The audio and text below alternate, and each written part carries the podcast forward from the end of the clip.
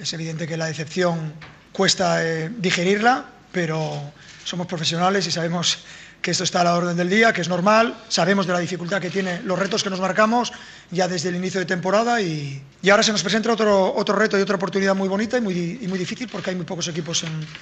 en la historia del fútbol español que han podido hacer ganar dos años seguidos, ya sea título de liga y de copa. Me hace ser optimista a pesar de todo lo que nos rodea y a partir de aquí positivos, optimistas y vamos a ver si, si somos capaces de revertir una situación que, que, no nos gusta, que nos desagrada, que por supuesto es mérito nuestro el, el, llegar a esta situación así y, y, aceptarlo con la entereza que lo tiene que aceptar un profesional. Bueno, espero que al final tengamos razón nosotros. Los necesitamos siempre, máxime cuando haya dificultades, porque para eso uno es aficionado de un equipo, ¿no? Claro que los necesitamos,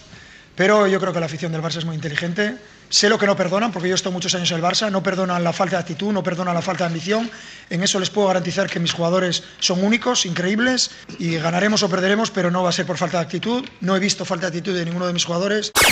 Mi opinión es que conocemos a Dani Alves perfectamente todos, sabemos de su participación en las redes sociales. Es un tío al que hemos visto cantar, bailar, reírse, llorar, le hemos visto hacer de todo que sea oportuno o no, o inoportuno, eso lo puede decidir cada uno. Lo único que puedo decir de, de Dani Alves es, es, que es un competidor nato, que es un ganador, que aporta muchísimo al equipo, que esa alegría la transmite, la intenta transmitir siempre, que no se rinde nunca, que es un activo fundamental para el equipo por los antecedentes que hay, por la situación también que tiene el Valencia, por nuestra propia situación, como es lógico, y bueno, vamos a necesitar de, un, de una muy buena actuación de cometer pocos errores, de ser efectivos, de jugar bien a fútbol y hacerlo todo desde, desde la cordura y desde la necesidad de, de jugar bien a fútbol. No es quizás nuestro mejor momento, sin ninguna duda, y hay que saber aceptarlo.